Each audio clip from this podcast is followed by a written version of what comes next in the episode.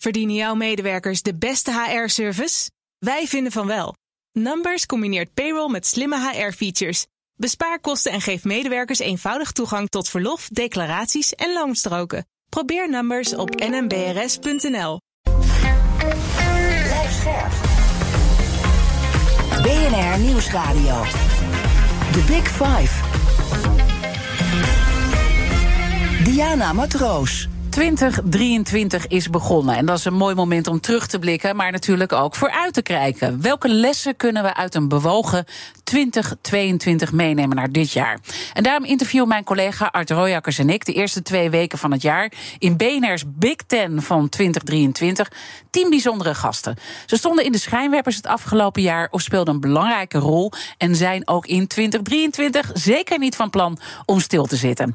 Vandaag is mijn gast Faiza Hoofd klimaat en energie bij Greenpeace. Welkom, uh, welkom terug bij de Big Five. Dankjewel. Um, voordat ik het met je ga hebben over de klimaatrechtszaak om echte verandering af te dwingen, wil ik eerst uh, twee dingen van je weten. Allereerst, klimaatacties werden het afgelopen jaar radicaler. Gaan we dit jaar nog heftigere acties zien? Dat denk ik wel, ja. Dat is mijn voorspelling. Dat is jouw voorspelling. Heel interessant uh, om straks uh, te horen waarom je dat uh, denkt. het tweede is, als klimaatactivist, nou kennen we jou ook als iemand die nou, de hekjes heeft doorgeknipt. En je begint er al bij te lachen. En aan boorplatforms hebt gehangen. Je hebt zelfs, iedereen kent dat natuurlijk ook wel van jou, in een Russische cel gezeten. Een heel aantal maanden. Dat was heel heftig. Uh, vanwege acties die je daar hebt uh, gevoerd. Maar je bent ook iemand die het gesprek uh, altijd wil aangaan. Is dat lastiger voor jou geworden? Het actievoeren niet. integendeel zelfs. Um, het gesprek aangaan. Ja, in de zin van we praten al 20, bijna 30 jaar over klimaatverandering en dat we actie moeten ondernemen en er gebeurt onvoldoende. En ik denk wel, ik merk dat in de samenleving zie je wel dat in het debat, hè, met name onder jongeren zie je dat, hè, de radicalisering in de klimaatbeweging, zie je dat mensen klaar zijn met praten. En ik heb dat eigenlijk ook wel. Ik... Dus daar worstel je ook wel misschien ja. een beetje mee? Ja, zeker als je kijkt naar de klimaatwetenschappen, hebben we weinig tijd om te gaan. En, um, en er wordt gewoon niet, ja, onze uitstoot uh, gaat niet snel genoeg naar beneden. -hmm. En als, als het gaat over die worsteling die je dan uh, ervaart, merk je dat je echt dan zelf ook radicaliseert? Ik had uh, eerder deze week met Kees de Kort een gesprek, die het totaal trouwens niet eens is met het klimaatverhaal wat jij vertelt. maar dat terzijde, hij, hij zegt eigenlijk van: ik merk omdat er niet naar mij geluisterd wordt of naar het geluid wat ik vertegenwoordig, dat ik steeds meer radicaliseer. Merk jij dat zelf bij jou ook? Nou, ik merk wel dat ik. Um, nou, ik probeer mezelf ook scherp te houden. Hè, van, um, um, ik verander ook wel van mening. Ik denk dat ik dingen die ik misschien 15 jaar geleden niet zo snel had gedaan, nu wel zou doen. Um, Zoals bijvoorbeeld? Nou, bijvoorbeeld het voeren van klimaatrechtszaken. Ik heb nu met mijn organisatie hebben we een rechtszaak aangekondigd samen met de inwoners van Bonaire, waarbij we de Nederlandse staat voor de rechter slepen. Dat is natuurlijk niet iets wat je zomaar doet. Ik denk dat het dat vijf of tien jaar geleden minder snel had gedaan. Uh, maar nu denk ik, ja, we zijn klaar met praten. We moeten nu echt actie gaan ondernemen. Um, en als je kijkt ook naar afgelopen jaar met de Oekraïne-oorlog, hè, we zien een, echt wel focus naar de, op de verduurzaming, maar vooral ook de laatste stuiptrekkingen van de fossiele industrie. Dat wij enorm gaan investeren in bijvoorbeeld nog meer gas. Uh, de LNG-terminals, dat is vloeibaar gas, mm -hmm. die schieten als paddenstoelen uit de grond. Um, ja, we zien gewoon een enorme uh, ook een machtstoename vanuit de fossiele industrie. En dan denk ik wel, dit is niet het pad die wij horen te bewandelen. Een mislukte klimaattop in Sharm el-Sheikh. En je ziet, ik zie wel die woede en frustratie bij jongeren. En ik snap het, want we hebben gewoon nog weinig tijd om te gaan. Maar als we dan terugkijken naar het afgelopen jaar, dan, dan was het wel enorm uh, radicaal. Hè? Ik bedoel, met mensen die zich uh, vastlijmen op een, op een tafel, maar ook aan, aan, in, in, in een talkshow, maar ook bij een kunstwerk, weet je wel. In, in musea, dan, dan denk je toch, wat heeft dat er nou mee te maken? Gaat dat niet veel te ver? Ik ben even stil hoor, want ik, ik heb deze vraag de afgelopen maanden vrij vaak gehad. En met name rondom de kunstwerk. Kijk, als ik kijk naar uh, 2022, dat was echt een jaar van actie. Dat begon in het Sterrenbos. Uh, daar moest een stuk bos uh, wijken voor uh, de uitbreiding van een autofabriek, VL Netcar. En daar gingen studenten echt twaalf dagen lang het bos bezetten. Nou, en dat was eigenlijk een beetje de kick-off van 2020 als actiejaar. We hebben daarna studenten gezien die de bestuurskamers hebben bezet. Omdat ze zeggen van joh, banden met de fossiele industrie voor onderwijs en onderzoek is echt uit een boze. Die leggen dan ook ijs op tafel. Maar we hebben ook activisten gezien die zichzelf vastlijmen. Activisten die tomatensoep op schilderijen gooien. En ik heb met name rondom die kunstwerken Hè? Want we hadden het ook in Nederland bij het schilderij van Johannes Vermeer, Meisje aan de Parel. Vroeg iemand van mij: ja, vind je dat nou te ver gaan? En toen zei ik: ja, weet je, ik heb de berichten gelezen. Er is geen schade aan het schilderij. Het is een actie die ik zelf niet zo snel zou doen, maar ik keur hem niet af. Want ik zie de wanhoop en ik snap hem. Maar dit, dit, dit roept natuurlijk ook wel wat op. Uh, bij andere mensen, weet je wel. Ik bedoel, gelukkig was dit dan afgeschermd met glas en is dat kunstwerk niet beschadigd. Maar dat het zich daarop gaat richten, terwijl dat kunstwerk aan zich niks met klimaat te maken heeft. Nee, en daarom zou het ook niet mijn persoonlijke keuze zijn, omdat het daardoor heel erg gaat over de actie zelf in plaats mhm. van de eis. Namelijk, hè, we moeten stoppen met, uh, met, met, uh, met CO2-uitstoot en, en verduurzamen. Alleen wat het voor mij heel erg laat zien is uh, de, radicalisering die wij in de klimaatbeweging zien. Um, zegt ons iets over de wanhoop die heel veel jongeren, met name jongeren, voelen. En dat zij blijkbaar dit dan moeten doen om hun punt te kunnen maken. En het werkt in een bepaald opzicht. Want jij en ik hebben er nog steeds over. Dit is maanden geleden, deze actie. En het is een actie die door een paar jongeren is gedaan. En wij hebben er nog steeds over. Ja, maar je ziet wel dat uh, Extinction Rebellion in de UK zegt... wij gaan het eventjes rustiger aan uh, doen. Uh, wij geloven Tenminste, het is een beetje vaag hoe ze het nou precies zien. Want je begint nu ook te lachen. En Extinction Rebellion in Nederland, die zit er weer anders in. Hè?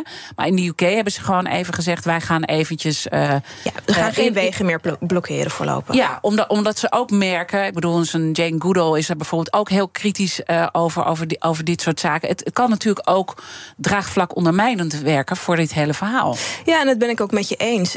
Um, kijk, en ik, ik zeg het meer... Hè, ik, ik analyseer vooral ook wat er gebeurt. Ik heb er ook mening over, maar ik analyseer. En daarbij zie ik wel echt die beweging is aan het radicaliseren. De vraag is dan: ontslaat het ons als samenleving, als mensheid van de plicht om wel te blijven luisteren naar deze mensen, waarom ze deze acties ondernemen. Je kunt mhm. er mee oneens zijn. Kijk bijvoorbeeld naar uh, de vrouwenbeweging en de strijd voor het stemrecht. Wat we vaak niet teruglezen in geschiedenisboeken, is dat er vroeger ook echt aanslagen zijn gepleegd, terroristische aanslagen door vrouwen uh, die hun stemrecht opeisen eind eind 1800, begin 1900. Dat, maakt het, dat praat het niet goed, hè, dat mhm. die acties zijn gebeurd ik ondersteun nog steeds het feit dat vrouwen stemrecht hebben. En dat hoort ook gelukkig.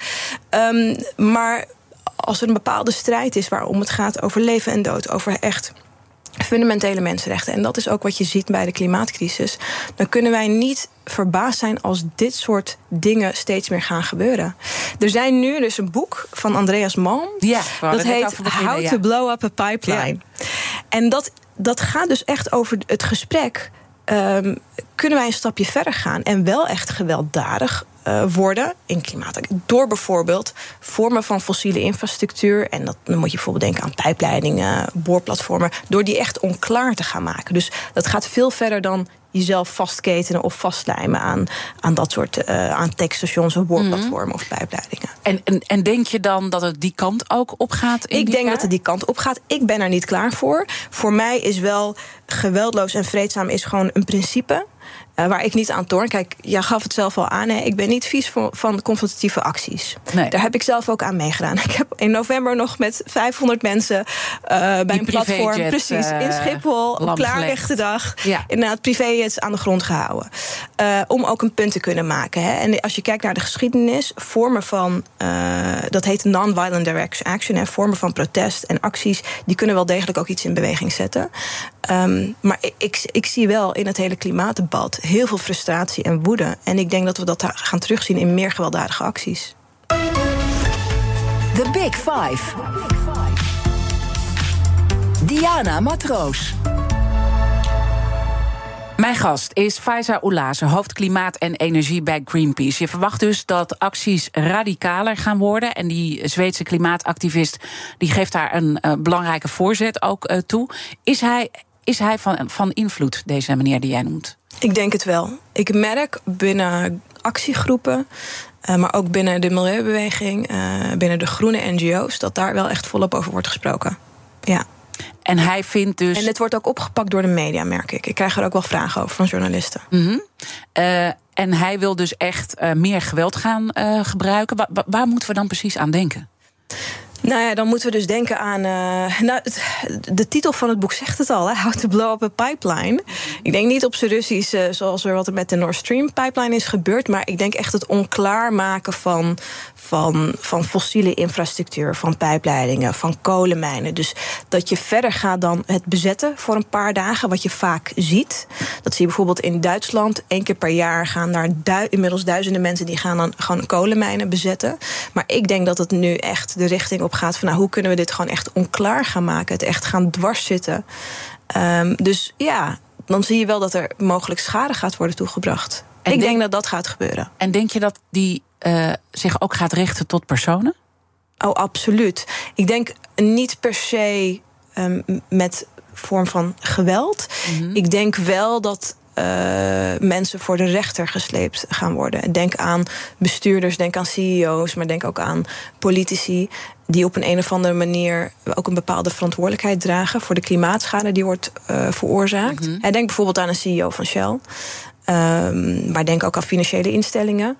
Waar jij. Nou ja, we hebben het bij de witwaspraktijken uh, uh, gezien. Daar werden natuurlijk ook uh, topbestuurders uiteindelijk aangeklaagd. Hè, Klopt. persoonlijk. Ook ja. bij Volkswagen met het hele.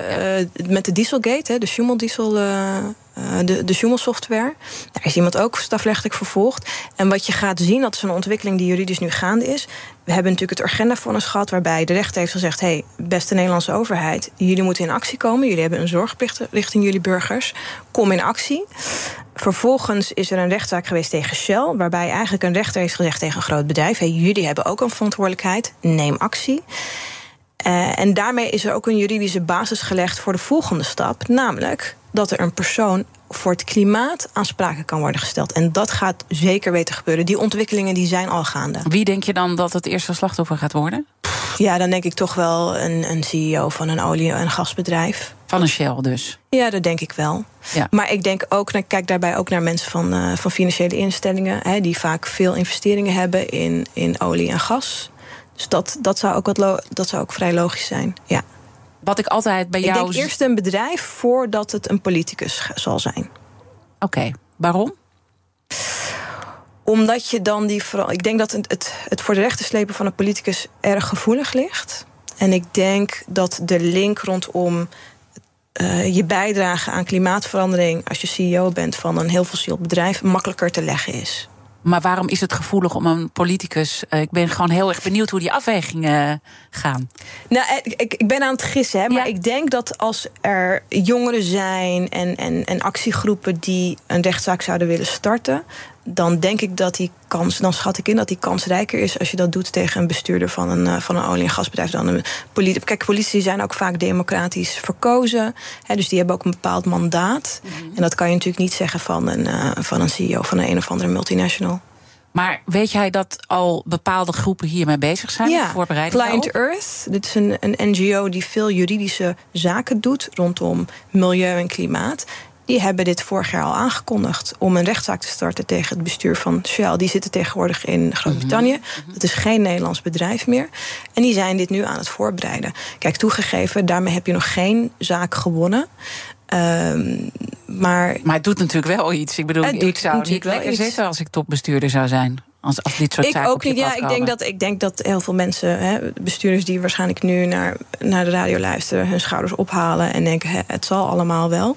Uh, en misschien wel in de lach schieten. Ik zou het wel serieus nemen. Ja. Ik denk dat er een serieus want juridische basis is. Want dat vind ik, dat, dat vind ik, ik altijd mooi om bij jou om te zien. Hè? Ik, ik, wij komen elkaar ook uh, tegen. En je, uh, ook, ook los hier van de, van van de radio-uitzending. En ik zie jou altijd ook tussen die topbestuurders... zie ik jou uh, doorbewegen. Nou, heb je het ja. er ook met ze over. En doen ze dan lachig tegen jou als je dit zegt? Nou, dit zeg ik niet expliciet. Ik bedoel, ik praat er, ik praat er wel over. Vind je het lastig om het tegen ze te zeggen dan? Nee, kijk, als ik uh, in de zalen waar jij het over hebt, uh, dan ben ik ook heel erg aan het luisteren. Want ik denk, hè, keep your friends close, but keep your enemies closer. Dus om ook te kunnen anticiperen en ons, zeg maar, onze campagnestrategieën aan te passen, dan moet je ook goed luisteren naar die vijand. Dus ik ben vaak aan het luisteren en wat minder aan het praten. Um, maar ja, wat ik wel merk is. Um, is, nou ja, mensen kunnen het heel erg voor zichzelf vergoeilijken en het ook bagatelliseren. En ik denk dat, dat je daarmee wel echt, ik merk met name bij CEO's van fossiele bedrijven, dat die eigenlijk consequent onderschatten wat de klimaatbeweging doet en hoe groot de zorgen zijn bij burgers over klimaat. Maar hoe reëel is die klimaatbeweging? Want we hebben natuurlijk, kijk, weet je, alles is versterkt onder druk van Oekraïne. Hè, dat we ook met die energietransitie enorme stappen. Je voelt een enorme wil en we moeten van het Russisch gas af en de afhankelijkheden. En nou ja, je schetst ook vervolgens uh, komen uh, al die LNG-terminals en worden er allemaal andere uh, strategieën bedacht. Ook omdat gewoon blijkt dat we nog helemaal niet zonder kunnen. Want wat, ik probeer ook het realisme in het verhaal. Ik bedoel, eh, we willen allemaal het goed doen uh, voor het klimaat. Maar we willen ook dat mensen niet in de kou hoeven te zitten. En als je gewoon heel reëel, ik bedoel, en dat voelen we nu ook, als je gewoon al dat gas gaat wegdenken. Ja, dat, dat kan gewoon helemaal niet. En, het, en kijk, de energietransitie is ook niet iets wat, uh, wat, uh, wat je in één dag doet, of zelfs niet in een paar jaar doet. Maar dat is denk ik wel het probleem hè, van wat wij hebben in Nederland. Kijk, wat er natuurlijk afgelopen jaar is gebeurd. Het is niet de eerste keer dat Rusland Oekraïne is binnengevallen. Dat was in 2014. Nu moet ik wel zeggen dat wat er afgelopen jaar gebeurd is, is wel echt fundamenteel anders qua reactie vanuit Europa en VS richting uh, Rusland. Maar ik kan me nog herinneren, in 2014 waren er wel volop gesprekken over. Hé, hey, wij zijn best wel afhankelijk als Europa van Russisch gas. Moeten we daar niet van af?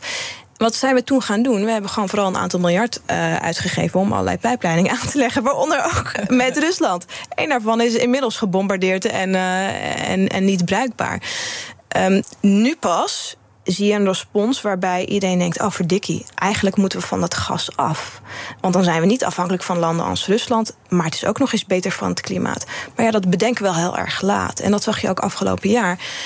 Je kunt dan wel zeggen van laten we nu met z'n allen gaan verduurzamen en we gaan van het gas af. Maar dat fix je niet binnen een paar maanden. Daar heb je echt jaren voor nodig. En we, zijn, we hebben de kolencentrales harder aangezet en we zijn LNG-terminals gaan bouwen. Um, dus tuurlijk, we kunnen niet zonder. Maar dat is ook omdat we onze handen niet uh, uit de mouw snap hebben ik, maar we zitten dan nu in een situatie... en dan het actievoeren wordt... Um, en dat, je zegt ook dat is niet wat ik vind dat we moeten doen. Hè, want jij blijft bij dat vreedzame uh, protest. Tenminste, je schuift ook wel een beetje op, merk ik. Want je, want je worstelt er ook mee. Maar je ziet dus aan één kant, we maken nu echt wel stappen. En we, kunnen het ook over stikstof later nog hebben. Maar daar zie je toch ook, hè, met, met, met, nou, daar zie je ook echt wel uh, stappen naar het uh, rapport van Remkes. Het komt misschien allemaal te laat, ja, dat is zo. Maar er wordt nu wel bewogen. En tegelijkertijd worden de acties radicaler en gewelddadiger. En dat, dat is wel een rare impasse waar we ook in terecht zijn gekomen. Nou, dat komt ook omdat als je kijkt naar de actie die er wordt ondernomen, het is, het is dubbel. Dus ja, we zijn aan het verduurzamen. Maar zoals ik al zei, we zijn ook uh, als een malle LNG-terminals aan het aanleggen. En we zijn ook aan het kijken naar, oh, zullen we nog meer gas uit de Noordzee gaan halen? Waar, waarop 400 wetenschappers op een gegeven moment een brief hebben geschreven. Ja. Een brief hebben gezegd, dit moeten we gewoon echt niet doen. Dit is niet in lijn met het klimaatakkoord van Parijs wat wij hebben ondertekend. Dus het is heel dubbel. Ja. Het is, ja, we willen af van onze fossiele verslaving. Maar het kan niet. Maar we willen toch nog even aan het infuus blijven ja, maar liggen. dat is toch ook wel reëel dat het. Ja, en ik snap dat het vanuit het klimaat niet kan, maar ik zit dan ook gewoon naar de realiteit. Tuurlijk. Eh, te kijken. Ik bedoel. Tuurlijk. Maar dit is de frustratie die, ja. denk ik, heel veel mensen en jongeren voelen. Die zien, die zien heel veel tegenstrijdigheid in het beleid wat er wordt gevoerd. En ik denk dat dat voor mij ook wel de afdronk was van 2022. Er zit gewoon heel veel tegenstrijdigheid in. En dat, ja. het is logisch, hè, want op een gegeven moment zaten we met het dilemma van hoe moeten we die gasvoorraden gaan ja. vullen. en toen kwamen we erachter dat we hele domme contracten hadden gesloten met Gazprom, een Russisch staatsbedrijf. Die blijkbaar voor een groot deel ging over die gasvoorraden. En toen bleken die gasvoorraden leeg te zijn. Ja, dan moet je wat gaan doen. Dan moet je inderdaad wat gaan doen. Ja, dus, dus het, het is het jaar geweest van de dubbelzinnigheden eigenlijk. En daarmee zitten we dus ook een beetje vast. En toch komt er dus een kentering uh, naar een radicalere strategie, omdat die frustratie, met name bij jongeren, schets jij, zo groot is. Het, is dit begonnen toch bij uh, Greta Thunberg? Of al veel eerder? Nee, dit is veel eerder begonnen. Ja? Dit is veel eerder begonnen. Ik, ik, ik heb wel de afgelopen... Nou ja, ik doe dit nu ruim elf jaar. Wel het hele klimaatdebat nu meerdere keren zien, ja, zien evalueren. Um, en ik denk dat ik echt de eerste grote kentering zag in 2014, 2015. En dan zag je echt wel grote klimaatprotesten voor het eerst wereldwijd. Maar dat kwam ook omdat we heel veel hitterecords hadden. En ik merkte wel vooral in 2018 een soort van de eerste radicalisering. Dat was ook toen Greta Thunberg opkwam. Toen kwamen ook al die jongerenprotesten. En ook actiegroepen zoals Extinction Rebellion. En ik denk dat we dit jaar een soort van nieuwe golf hebben gezien. Of een soort van nieuwe ontwikkeling in die hele evolutie van de klimaatbeweging. In 2022? Ja, met de kunstwerken, met het vastlijmen. Nieuwe actiegroepen die ook zijn ontstaan. Uh, zoals Just Stop Oil, Letze Generation in Duitsland. Maar je ziet het ook onder studenten. Dat heet de University Rebellion. Die hebben door heel Europa alle bestuurskamers uh, bezet. Niet alleen maar in Eindhoven en Rotterdam. En hier merk ik wel, ik zie weer een nieuwe beweging. Ik zie, ik zie een nieuwe ontwikkeling. Mm -hmm. en, ik, en daarom denk ik ook, ik denk dat volgend jaar... dat het wel echt een tandje radicaler gaat worden. Ja, en we zien ook in Duitsland... Uh, Duitsland vreest ook voor die verdere uh, radicalisering. Klimaatterrorisme, ze maken ook een vergelijking met RAF. Vind je dat een terechte vergelijking? Nou, dat gaat wel erg ver. Kijk, op dit moment zie ik dat de acties uh, creatief zijn. Ludiek noem ze confrontatief. Maar ze zijn wel uh, vreedzaam en geweldloos. Maar goed, ik, ja, zoals ik al zei... Um, het is ook een hele diverse beweging. En ik denk dat er echt wel hele specifieke takken zullen zijn... die, gaan, die, die nog verder zullen radicaliseren. En ik sluit daarbij geld echt niet uit. Of je daar nu al die vergelijking mee moet maken... Dat gaat me net iets te ver. En hoe ga jij je dan als Greenpeace daar binnen opstellen? Ik laat, het over me, ik laat het voor nu even over me heen komen. Eerst even zien wat er gaat gebeuren. En dan kijken wat ik daarvan uh, vind. Zoals ik al zei, voor mij zit er wel echt een grens. Uh, voor mij moet het gewoon uit principe geweldloos zijn en vreedzaam. Uh, maar zoals ik al zei, uh, ik denk dat ook als het gewelddadig wordt, het ontslaat ons niet van onze plicht als samenleving om wel te om wel gewoon actie te, kunnen, te ondernemen ja. en de klimaatcrisis te beslechten. En misschien uh, goed om nog even te onderstrepen, want uh, jij zegt ook, je bent niet uh, voor geweld, je analyseert de zaak, zoals het voorstaat. Want mensen zijn al aan het reageren tijdens dit interview, uh, begrijp ik. Uh, er zijn al drie reacties via de telefoon binnengekomen. Mensen die het heel heftig uh, vinden. Vooral het praten over aanslagen, geweld. En een beller voelt zich bedreigd. Uh, ja, dat snap ik. Ja. En, en, en, nogmaals voor alle luisteraars. Ik, ik ben er zelf absoluut geen voorstander nee, daarom, van. want dat heb je ook gezegd. Maar blijkbaar um, moet alleen dat nog even ik, Ja, het is, het is een analyse, het is een voorspelling. Het is niet eentje die ik doe om, om mensen uh, aan te... Maar even, om even te kijken naar afgelopen jaar. Kijk naar de boerenprotesten. Die waren best heftig. Ik, ik stond daar niet achter. Ik zag beelden van boeren die met... En ik snap de frustratie en woede van de boeren... Maar ik zag beelden waar ik boeren met stalen buizen op politiebusjes uh, zag staan. Ja, die een minister thuis hebben bezocht op een vrij intimiderende wijze. Die politici intimideren en bedreigen. Dat kan gewoon echt niet. En heel veel politici, ministers en Tweede Kamerleden, die hebben dat vergoeilijkt. En zitten goed praten. Dat vind ik heel zorgwekkend. Dus ik zou zeggen, we zien het al tot op zekere hoogte in de samenleving. Ja, het is niet wat jij wil, maar het we zien het al. Het is absoluut niet wat en, ik wil. Uh, en ik zie ook dat het toch een beetje gedoogd wordt. En daarom hou ik ook al mijn hart vast wat er gaat gebeuren bij de provinciale, provinciale statenverkiezingen. Hè? Mm -hmm. Het BBB, Boerburgerbeweging van Caroline van der Plas. Dat is ook één iemand die het heel erg heeft zitten vergoeilijken. En dan denk ik, ja, dat is een best gevaarlijke ontwikkeling. Ja, dus eigenlijk we doen het in de breedte van alle kanten. Uh, dat we dus. Uh, tot een sfeer zijn gekomen met elkaar in Nederland. Wat we natuurlijk, nou ja, het is niet alleen Nederland, het is over de hele wereld. Ik bedoel, alles wordt gewoon polariserender, heftiger, uh, meer geweld. Ik heb er zelf ook mee te maken. Ja. Ik krijg ook wel soms uh, onprettige brieven. Uh, waarbij ik dan ook gewoon een melding bij de politie doe. Uh, en dat, ik weet ook dat voor mensen die bij energiebedrijven werken, die windmolens bouwen, die krijgen ook wel eens dreigbrieven. Dus het is die, de polarisering is, is een gegeven. Ja, en, en, en de grote vraag is hoe moeten we daaruit komen? Ik heb uh, de directeur van Staatsbosbeheer hier een tijdje geleden gehad. Boswachters worden dan uh, bedreigd omdat er ergens bomen dan gekapt moeten worden. Weet je, het gaat, het gaat zo ver in Nederland. Hoe, hoe, hoe, ja, hoe zijn we daarin terechtgekomen? Wat, wat, wat, wat, wat is het? Het wezenlijke? Want ik bedoel. Ja, we zien het ook terug in het politieke klimaat. Hè? Hoe, als je kijkt naar debatten, die zijn veel heftiger geworden. Kijk, ik denk ook wel dat we een land zijn waarbij de crisissen de spuigaten uitlopen. Ik hou het niet meer bij. We hebben een biodiversiteitscrisis, we hebben een mm. klimaatcrisis, we hebben een wooncrisis. Weet je wat? Ga het punt eventjes en uh, laten we even nadenken allebei uh, hierover. En dan zo meteen over verder praten hoe we uit deze impasse komen. Uh, hoe dat gaat met al die klimaatrechtszaken en hoe de politiek zich moet gaan opstellen. Mijn gast is Faiza Oulaze, hoofd klimaat en energie van Greenpeace. Blijf luisteren. Verdienen jouw medewerkers de beste HR-service? Wij vinden van wel. Numbers combineert payroll met slimme HR-features. Bespaar kosten en geef medewerkers eenvoudig toegang tot verlof, declaraties en loonstroken. Probeer Numbers op nmbrs.nl. Hardlopen, dat is goed voor je. En Nationale Nederlanden helpt je daar graag bij. Bijvoorbeeld met onze digitale NN Running Coach... die antwoord geeft op al je hardloopvragen. Dus, kom ook in beweging. Onze support heb je. Kijk op nn.nl hardlopen.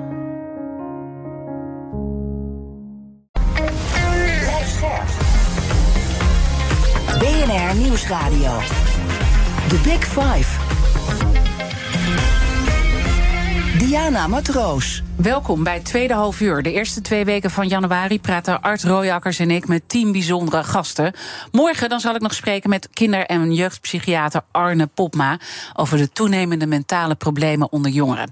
Mijn gast vandaag is Faiza Oulaze, hoofd klimaat en energie bij Greenpeace. Want ja, het afgelopen jaar stond toch ook echt wel in het teken van uh, de klimaatactivisten, die dus uh, radicaler worden. En ook voor dit jaar, Faiza heeft dat net al gezegd, verwacht ze dat het radicaler uh, gaat worden. Komend half uur wil ik in ieder geval uh, nog twee onderwerpen met je bespreken. Ik wil wat meer inzoomen op de klimaatrechtszaken en ook die Bonaire zaak die jullie, uh, waar jullie zelf als Greenpeace bij betrokken zijn. En ook hoe de overheid zich nou moet bewegen in het geheel. En wat er nou precies onder ligt. Dat die frustratie zo groot is geworden. En toch nog even, nou ja, voor de mensen die misschien net inschakelen. Er waren wat mensen die het toch heel heftig vonden. Dat wij spraken uh, over aanslagen. En dat het dus steeds gewelddadiger en, uh, en radicaler gaat worden. Nogmaals, dit is niet iets wat, wat jij vindt dat er moet gebeuren. Maar je analyseert gewoon met al die stromingen die je ziet in die klimaatbeweging. Dat het die kant op gaat. En dan zeg je dat heeft elke keer met frustratie te maken. Wat zit er dieper liggend onder die frustratie? Wanhoop en een gevoel van machteloosheid. Ik denk dat dat het vooral is. Ik denk dat heel veel uh, mensen, dat is wat ik zie en merk in mijn omgeving, is een gevoel van machteloosheid. De klimaatcrisis voltrekt zich. Ik bedoel, vanochtend, ik las NOS.nl. En we, hebben, we zitten nu een paar dagen in het nieuwjaar en we hebben al hitterecords verbroken. We hebben afgelopen jaar een extreem droge zomer gehad. Pakistan uh, lag intussen voor een derde onder water. En ik denk dat dan mensen ook kunnen doordenken van nou, hoe ziet de wereld dan over 10, 20 jaar eruit? En, en ik denk dat mensen heel erg bang worden en boos van die doemscenario's. En dat ligt eraan door grondslag. Mm. Dat in combinatie met het idee dat wanneer ze kijken naar wat er op politiek vlak gebeurt, dat er gewoon onvoldoende gebeurt. En is het niet ook zo dat het uh, gerelateerd ook aan jullie actie op Schiphol met die privéjets die werden ja. stilgelegd, dat er uh, in die frustratie ook meespeelt de kloof arm-rijk. Ja, het is, ook, het is echt een klassenstrijd aan het worden. Dus bijvoorbeeld als je kijkt naar uh, uh, luchtvaart. Um, uh, we moeten gewoon echt minder gaan vliegen. Maar wat je ziet is dat eigenlijk een groot deel van de vluchten Uh, dat, we hebben te maken met veel vliegers. Dus uh, eh, 8% van de bevolking is verantwoordelijk voor 40% van de vluchten. Als je kijkt naar privéjets, dat is sinds de COVID-crisis is dat echt rap aan het groeien. Hè? In de afgelopen jaren al meer dan 12.000 uh, vluchten. En dan heb je dus eigenlijk dat er één vlucht vertrekt voor één persoon of een paar personen, gewoon puur omdat ze heel veel geld hebben. Ja, dan denk, dan denk je, wacht eens even, we kunnen niet zoveel meer uitstoten qua CO2 we hebben eigenlijk een beperkt budget, wordt dat genoemd. Er wordt ook al het koolstofbudget genoemd door klimaatwetenschappers. Daar moeten we het met z'n allen mee doen. Maar dan heb je eigenlijk de rijken, ja, zie het als een soort van snoepjespot. Mm uh, waar we het toch met z'n allen mee moeten doen voor de komende uh, tien jaar. Waar de rijken een heel groot deel uitgraaien. Dat is wat je heel erg ziet. En dat uh, levert heel veel frustratie op. Dat zag je ook terug in de reactie van Pakistan. In de zomer viel daar echt ontzettend veel regen. Het een derde van het land stond onder water heel erg heftig. En de reactie van Pakistan was, de boodschap van Pakistan aan de rest van de wereld was: het rijke Westen, rijke Westen, dit is jullie rommel. Jullie uitstoot van de afgelopen twee eeuwen zorgt ervoor dat wij nu de schade van de klimaatcrisis ondervinden. Jullie moeten nu gaan dokken hiervoor. En zij hebben eigenlijk uitgelegd wat, hè, dat noemen heel veel activisten climate justice of klimaatrechtvaardigheid. Mhm. Je ziet ook heel erg die klassenstrijd terug. En die kan je ook onderbouwen met cijfers. Oxfam heeft een paar jaar geleden uitgezocht dat de rijkste 1% net zoveel uitstoot als de armste 50%. Ja. Dus kun je je voorstellen, als de rijkste 1% gewoon minder of niks zou uitstoten, dan heb je al een groot deel van de klimaatcrisis beslecht. Dus, dus, dus ja, het is ook niet zo gek dat dat soort landen gaan zeggen: hé, hey, eh, eh, eh, weet je, zorg dat jij het opruimt, want jij hebt die schade. En er is natuurlijk ook op die klimaattop die in Egypte, die als niet succesvol werd bestempeld, toch ook wel op dit punt Daar- enorme ja. winst geboekt. En, ja, was echt een historisch? historische, er was echt een historische doorbraak. Dat heet in, in de termen van de klimaatop heet het loss and damage. In het Nederlands klimaatschade. En dat komt er in, in feite op neer. Armere landen die het minst hebben bijgedragen, die ondervinden heel veel klimaatschade of zullen dat ondervinden. En die willen op een, een of andere manier gecompenseerd Zoals Pakistan. worden. Zoals Pakistan. En eigenlijk wilde daar het, het Rijke Westen, met name de VS, die wilde daar helemaal niet aan. En nu, en ik denk dat het echt te maken heeft met de gebeurtenis in Pakistan. Voor het eerst hebben ze daar wel een handtekening onder gezet en gezegd van oké, we gaan jullie daarvoor compenseren. Maar het is nog wel heel vaag in de uitwerking. Het is heel bedoel, vaag, maar het dat is een probleem van, van een- je zegt een historische stap, dus dat is goed. Maar ja, de uitwerking is gewoon. Dat klopt, maar dit is wel echt een heel belangrijk begin. En je ziet ook wel, hè, dat zie je denk ik nu ook wel door de inflatie en de hoge gasprijzen. Hè, men, burgers die zien. Olie- en gasbedrijven worden nu lachend rijk. En wij worden met z'n allen arm en kunnen de boodschappen bijna niet betalen. En dat heeft natuurlijk ook te maken met onze afhankelijkheid van eh, olie en gas. En je ziet ook steeds meer, ik zie in ieder geval in het klimaatdebat, steeds meer die klassenstrijd terug. En, en eh, de oneerlijkheid. En dus, dus, dus ook die, die, die agressieve opstelling daarin heeft daar dus ook mee eh, te maken. Ja, Hè? ja bedoel, want stel dat jij en ik. We stoppen met vlees eten, we draaien de lentlampen in, we laten de auto staan en pakken de fiets. En dan Max Verstappen, die pakt voor 25 kilometer, ik maak geen grap, voor 25 kilometer pakt hij een privéjet. Ja, ik snap dat een jongere van, van 15 jaar denkt: ja, eh, ga, ga eens even weg. Dit Ja. kan gewoon echt niet. Ik ga mezelf vastketen aan een privéjet. En, en praat jij dan met zo'n Max Verstappen hierover? Probeer, probeer, want je bent iemand van het gesprek, hè? Ja, nou, Max Verstappen ken ik zelf niet. Ik ben wel iemand van het gesprek. Nee, maar dit, we hebben dit gewoon uitgezocht. zijn. We Ja. hebben gewoon dit uitgezocht. Ja. Eh, en we hebben, hier, we hebben hier ook een rapport over uitgebracht. En dan noemen we ook gewoon het beestje bij de naam. Er zijn gewoon inderdaad mensen met heel veel geld... Ja. die ontzettend veel En uitstoten. toch vind ik het gevaarlijk, hè? Want daarmee wordt het heel erg gericht op een persoon. En dat hebben we ook nooit eerder gedaan. We hebben wel toen we ehm, een paar maanden geleden vanuit Greenpeace. ehm, he, de, echt een beetje de excessen van de luchtvaart onderzocht. Van he, de privévluchten. Toen hebben we ook al nagedacht. als we daar echt over willen gaan hebben. moet je het misschien ook over personen gaan hebben. Hebben we gedaan. We hebben Max Verstappen benoemd. We zijn niet verder dan dat gegaan. Hè, want dat, dat is gewoon te achterhalen. Bepaalde privéjets. Net als dat, je, dat Elon Musk wordt gevolgd. via zo'n Twitter. Maar los van dat je het kan achterhalen. Ik bedoel, je, je, je, Het is je best heftig, een ja. spotlight op Ja. iemand. En in een heftig klimaat waar we nu in leven... weten we ook dat dat aanleiding kan zijn voor mensen... om daar dan een schepje bovenop te gaan doen. Absoluut. Ik denk wel overigens, hè, dit zijn mensen met heel veel privileges. Kijk, je kunt er ook voor kiezen om niet een privéjet te pakken. En hij had ook gewoon een taxi kunnen pakken of zichzelf laten rijden. Ik denk alleen wel dat wij ehm, de feiten op tafel moeten leggen. En Dat is in ieder geval iets wat ik zeker wil blijven doen. En eh, je moet denk ik ook niet weglopen van de oneerlijkheid in, in wat we zien in de klimaatcrisis. Ehm, die moet je gewoon ook echt op tafel leggen en ter sprake brengen. Het is niet zo dat wij met z'n allen gelijke toegang hebben tot vluchten naar Mallorca of Ibiza voor een paar keer per jaar. Er zit echt een soort van ongelijkheid. En ik denk dat we het moeten hebben over eh, de bedrijven die verantwoordelijk zijn voor heel veel uitstoot. Maar ook de rol die met name extreem rijken daarin spelen. Daar moet je niet voor weglopen. Nee, en, en Het, daar het, van, het, ja? symbolis- het symboliseert de excessen in de klimaatcrisis en ook de ongelijkheid die je ziet tussen landen. Mhm. Neem en Nederland, hè, we zijn een klein land, verantwoordelijk voor heel veel uitstoot, historisch gezien. En neem Pakistan, die natuurlijk historisch gezien eh, voor veel minder eh, uitstoot verantwoordelijk is. En wat je ziet is, eigenlijk afgelopen jaar heb ik echt voor het eerst gezien dat dit gesprek echt wordt gevoerd. Uh, iets anders is uh, rechtszaken. Hè. Daar hoorden we je net ook al eventjes over, over de Bonaire zaak. En uh, in dit programma hebben we altijd de kettingvraag. In de vorige aflevering sprak ik met huisarts en straatarts Michelle van Tongerlo... die opkomt voor de kwetsbaren in de samenleving, daar enorm ver in gaat. En zij had deze vraag voor jou. Nou, ik heb zelf in uh, Caribisch Nederland, in Sint Eustatius, gewoond. Uh, en dit onderwerp dat gaat mij dan ook altijd nog aan het hart. En ik las een rapport van Greenpeace... dat ook als de klimaatopwarming beperkt uh, blijft tot 1,4 graden... dat een aanzienlijk en belangrijk deel van Bonaire... gewoon 20% onder water komt te staan. en mijn vraag aan Faiza is dus ook... ja, wat vind jij dat er moet gebeuren om te zorgen dat Bonaire... een toekomst heeft met het oog op, op de klimaatverandering? Ja, wat vind je? Ja, een hele terechte vraag. Um, allereerst denk ik, um, als je kijkt naar Caribisch Nederland. Uh, uh, ze noemt Bonaire, Sint Eustatius, maar ook Saba. Dat zijn gewoon Nederlandse gemeenten. Heel veel mensen weten dat niet. Het is gewoon een stukje. Als je kijkt naar de Antillen, er zijn gewoon Nederlandse gemeenten. Net als dat gemeente Amsterdam uh, ook een Nederlandse gemeente is. En wat je ziet is dat er eigenlijk bijna geen kennis beschikbaar is over de gevolgen van klimaatverandering. Terwijl ja, het zijn eilanden zeespiegelstijging.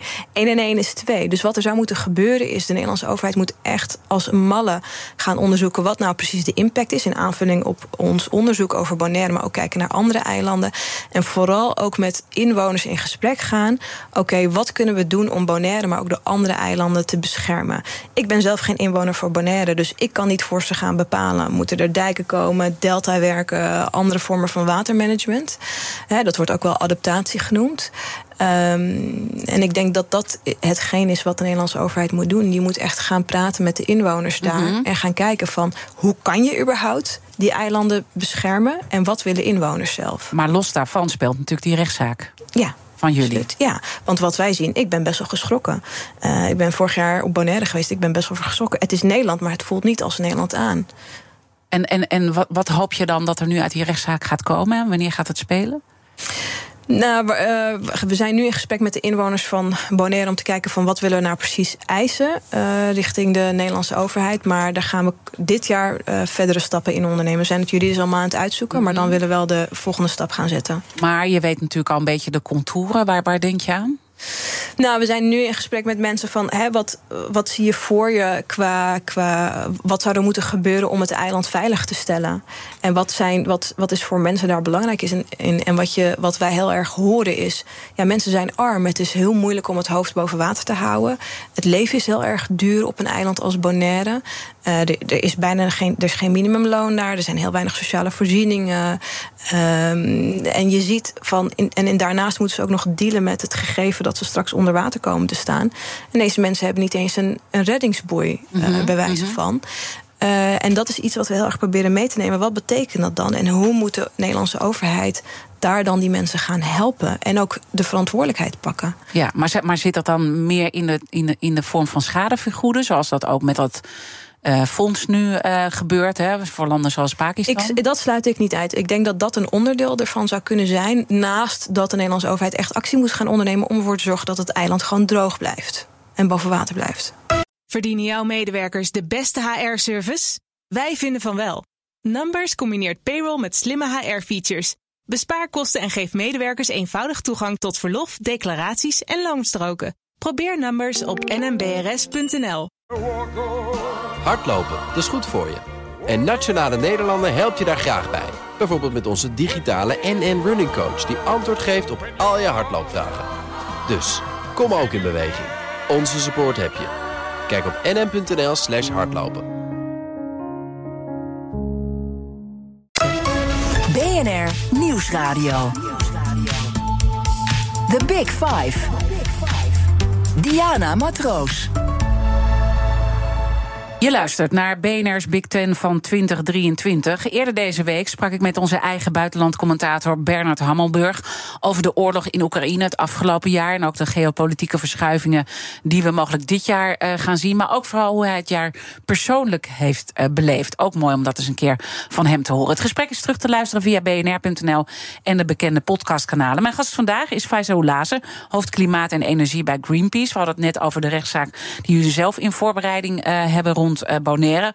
Maar we zien natuurlijk als het over klimaat gaat heel veel rechtszaken. Hè. denk aan de afgelopen jaren Urgenda, de Urgenda-zaak in 2019, de zaak tegen Shell van Milieudefensie en de zaak van MLB tegen het Portersproject. Dat had alles met stikstof te maken. Gaat deze trend van rechtszaken doorzetten? Even los van de radicale reformen van actievoeren, gaat dat meer doorzetten? Absoluut. Je ziet wereldwijd al meer dan 2000 klimaatzaken. Mm -hmm. En uh, in Nederland gaat deze trend zich ook door blijven zetten. Ik denk zeker in ieder geval op stikstof. Ik denk dat Johan Vollenbroek van uh, MOB daar zeker nog wel door blijft gaan. Uh, ik denk op dat dossier wordt er nu nog. Ja, er is een wetsvoorstel in de maak. Maar eerst zien dan geloven. En ik denk tot die tijd gaan er nog veel rechtszaken worden gevoerd.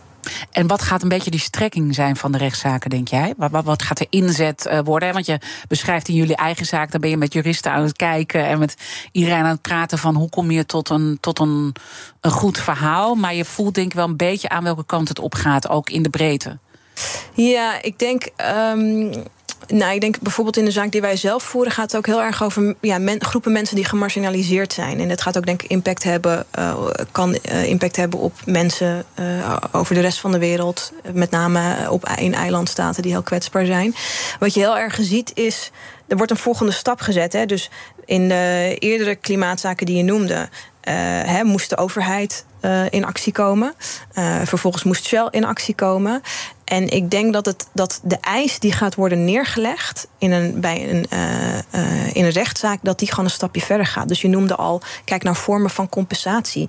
Kijk naar uh, dat niet alleen maar dat we dus onze uitstoot reduceren, maar dat er geld op tafel wordt gelegd. Maar ook dat er echt actie wordt ondernomen om bepaalde gebieden te beschermen tegen zeespiegelstijging of toename van hitte en extreem weer. Dus het gaat wat concreter worden. Ik denk dat, er, dat we echt richting aansprakelijkheid gaan. Aansprakelijkheid. En daar jij natuurlijk... als bedrijf bent hier verantwoordelijk voor. Dus jij moet nu uh, jij moet nu uh, gaan opdraaien voor de kosten. Of jij, beste overheid, je hebt een zorgplicht, die heb je verzuimd. Je hebt onvoldoende actie on ondernomen. Dus nu moet je daarvoor opdraaien. Nu moet je het wel gaan oppoesten. Die kant gaat het op. Het gaat veel concreter en specifieker worden. Maar, maar, maar dus meer in de vorm van schadevergoedingen? Dat dus denk wat ik je wel. aanricht om, om uh, met die financiële prikkel te sturen. Maar niet dat er op een gegeven moment een topbestuurder ook, in een cel. Dat ook, ja. Nee, maar echt in de cel beland kan worden omdat je dus echt verantwoordelijk wordt gehouden voor. Dat, dat gaat ja, voor klimaatschade. Ja, nou, of het dan gelijk, hè, of iemand dan gelijk in de cel belandt. Ik denk dat uh, bestuurders die, worden, die gaan persoonlijk aansprakelijk gesteld worden. Via bestuurdersaansprakelijkheid, zoals dat heet. En dan moet je denken aan een claim aan je broek, aan een boete of inderdaad zelfs een celstraf. En ik denk dat dat gaat. Ik denk dat het eerst gaat beginnen met een soort van claim of een boete. Ja, dat is een beetje de, de opbouw ja. uh, die je verwacht. En dan zeg jij dus eigenlijk even terug naar het begin van ons gesprek. Um, dat de urgentie niet echt wordt gevoeld nog door het bedrijfsleven. Dat er een beetje nee. lacherig over uh, uh, wordt gedaan. Um, kijk, de vraag is ook: is het nou terecht om bedrijven of personen voor de rechter te dagen? Ik bedoel, we kunnen meegaan met het trend die jij ziet en de argumentatie die daarbij hoort. Maar VNO-NCW vreest ervoor dat bedrijven ook uit Nederland zullen vertrekken en niet meer hier zullen investeren en landen zullen kiezen die wat minder streng zich zullen opstellen naar het uh, Nederlandse bedrijfsleven. Oh ja, dat verhaal van VNO en CW ken ik goed. En ze zijn ook heel goed om dat maar eindeloos te blijven herhalen. Uh, bedrijven die vertrekken niet, zo, niet zomaar uit Nederland. Nou, we zien de voorbeelden al natuurlijk. Hm? We zien de voorbeelden al van bedrijven die zijn vertrokken. Dat zijn niet de minste.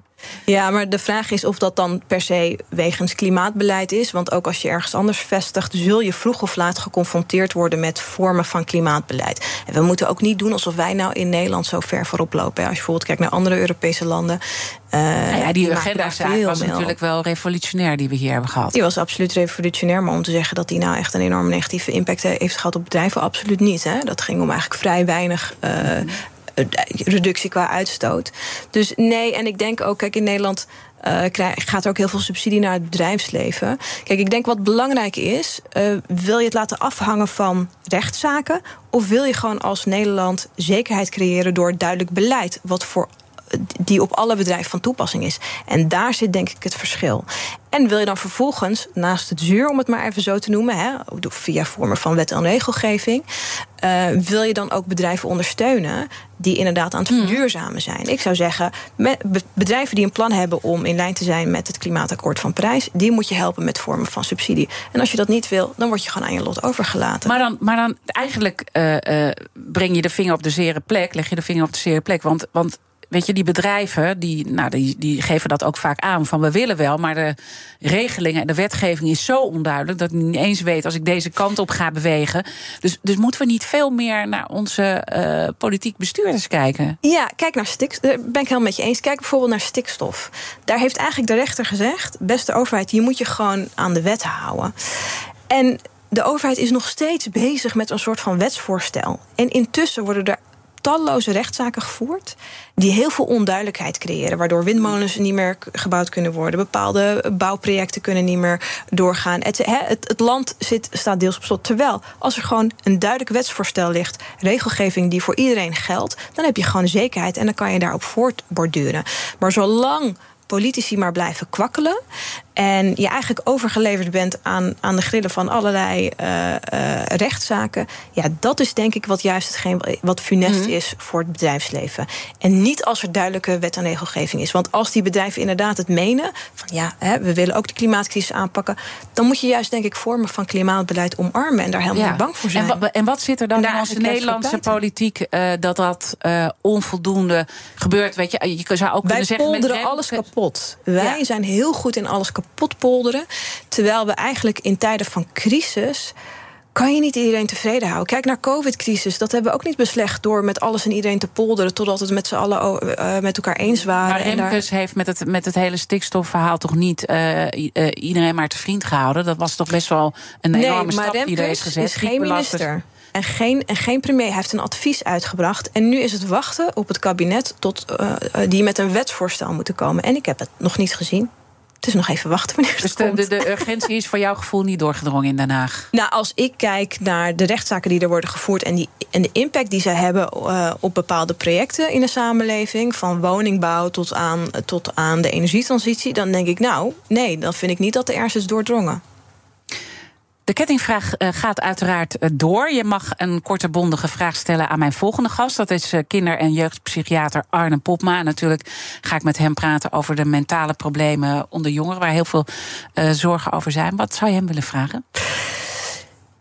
Ik zou hem willen vragen. Ik zie in mijn omgeving steeds meer jongeren die kampen met vormen van klimaatdepressie. En ik ben heel benieuwd wat hij daarvan terugziet. En vooral wat zou je die jongeren willen meegeven? Om daarmee, hoe, hoe kun je daarmee omgaan als je last hebt van klimaatdepressie? Dat ga ik hem uh, zeker vragen morgen. Wat is jouw grootste worsteling nu voor 2023? Optimistisch blijven. Want je, je, heb je het optimisme verloren? Nee, ik ben echt ik ben een ras optimist. Maar ik moet zeggen dat ik het soms wel moeilijk vind. En waar hou je dan het optimisme uit? Uh, mijn collega's, elke dag als ik naar kantoor ga, dan zie ik daar zoveel uh, energie en, en, en, en drive om, om, om deze wereld een stukje beter te maken. Ook als ik bijvoorbeeld kijk naar jongeren die de straat op gaan. En dan denk ik, daar doe ik het voor. Als ik uh, elke dag met mijn zoontje wakker word, hij is nu twee jaar, en dan denk ik, het gaat om zijn toekomst. Dank en daar doe ik het voor. Dankjewel dat je mijn gast uh, wilde zijn. Faiza Oulaze, hoofd klimaat en energie bij Greenpeace. En natuurlijk, alles van de BNR's Big Five is zoals altijd terug te luisteren. Abonneer je op onze podcast via onze app. Maar blijf vooral live. Zometeen iemand van Rips met BNR Breekt. Ik wens je een mooie dag. Verdienen jouw medewerkers de beste HR-service? Wij vinden van wel.